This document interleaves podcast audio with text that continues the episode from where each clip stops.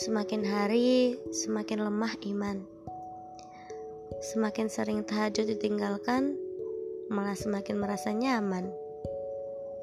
Semakin duha diabaikan, malah semakin merasa aman. Semakin yang fardu dilalaikan, malah semakin tenang dirasakan. Belum lagi Al-Quran yang sudah jauh dilupakan, tak berkesan dan tak tersimpan di dalam ingatan.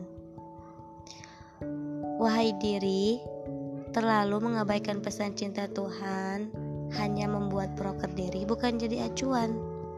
Yang ada nafsu yang dikedepankan.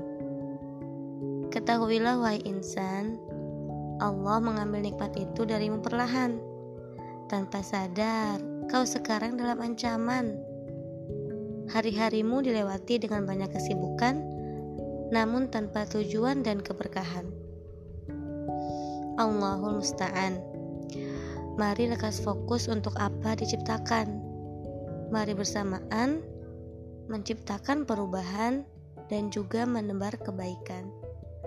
Hmm, kalau boleh tahu, apa yang kau lakukan ketika sedang turun iman?